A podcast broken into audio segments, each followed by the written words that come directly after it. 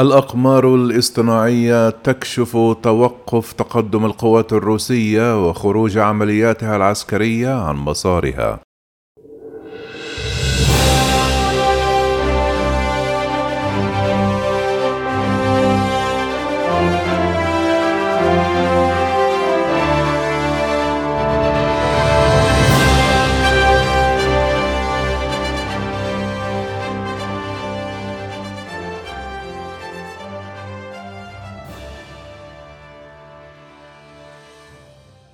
بعد أكثر من شهر من بداية غزو موسكو لكييف توقف تقدم القوات الروسية وخروج العمليات العسكرية عن مسارها بسبب المقاومة الأوكرانية العنيدة. في الأيام الماضية صعدت القوات الأوكرانية من مقاومتها وشنت هجمات مضادة على العديد من جبهات الحرب وكبدت القوات الروسية خسائر فادحة. يشير تحليل قناة سي إن إن لصور الأقمار الاصطناعية أن الصراع قد ينتقل الآن إلى مرحلة جديدة وهي حرب استنزاف. قد يخسر فيها الروس أرضا أكثر مما يكسبون ويعانون من مشكلات قطع خطوط الإمداد. أكدت قناة سي إن إن أن الجيش الروسي حاول تعويض ذلك من خلال زيادة استخدام القوات الصاروخية والنيران غير المباشرة من المدفعية وأنظمة إطلاق الصواريخ المتعددة.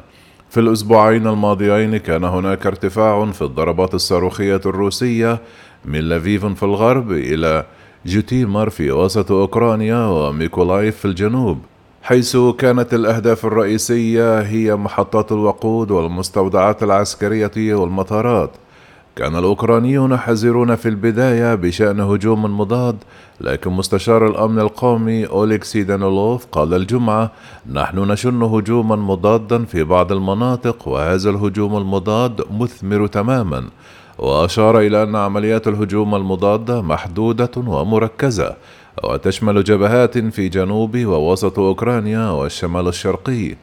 ووصف معهد دراسة الحرب هذه العمليات بأنها حكيمة وفعالة وأكد أنها ستسمح للقوات الأوكرانية باستعادة مناطق صغيرة من التضاريس المهمة من الناحية التكتيكية أو العملياتية دون الإفراط في التوسع.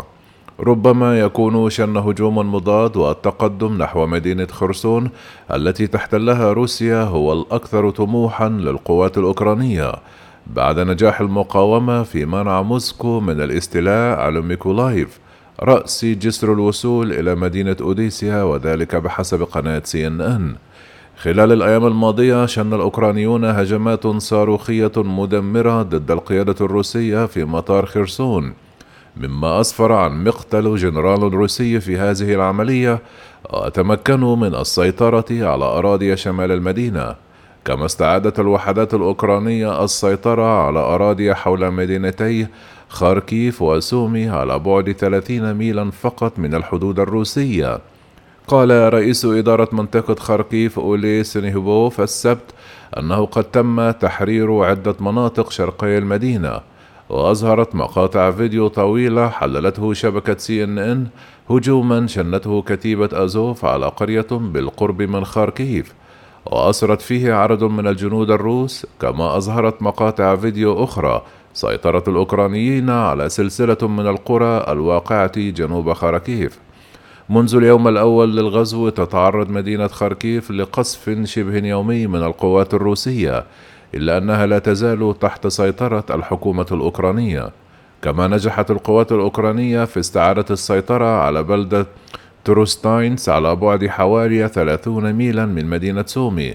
ونشر اللواء 93 الأوكراني صورا على حسابه على فيسبوك تظهر جنوده وقال إن الروس قد فروا تاركين ورائهم أسلحة ومعدات وذخيرة وبالقرب من العاصمة كييف حققت القوات الأوكرانية مكاسب كبيرة في قريتي لوكانفيكا ودورنستي على بعد أربعون ميلا من العاصمة. وإذا استمرت هذه المكاسب فقد يعطل خط إمدادات القوات الروسية وطريق تقدمها نحو العاصمة كييف.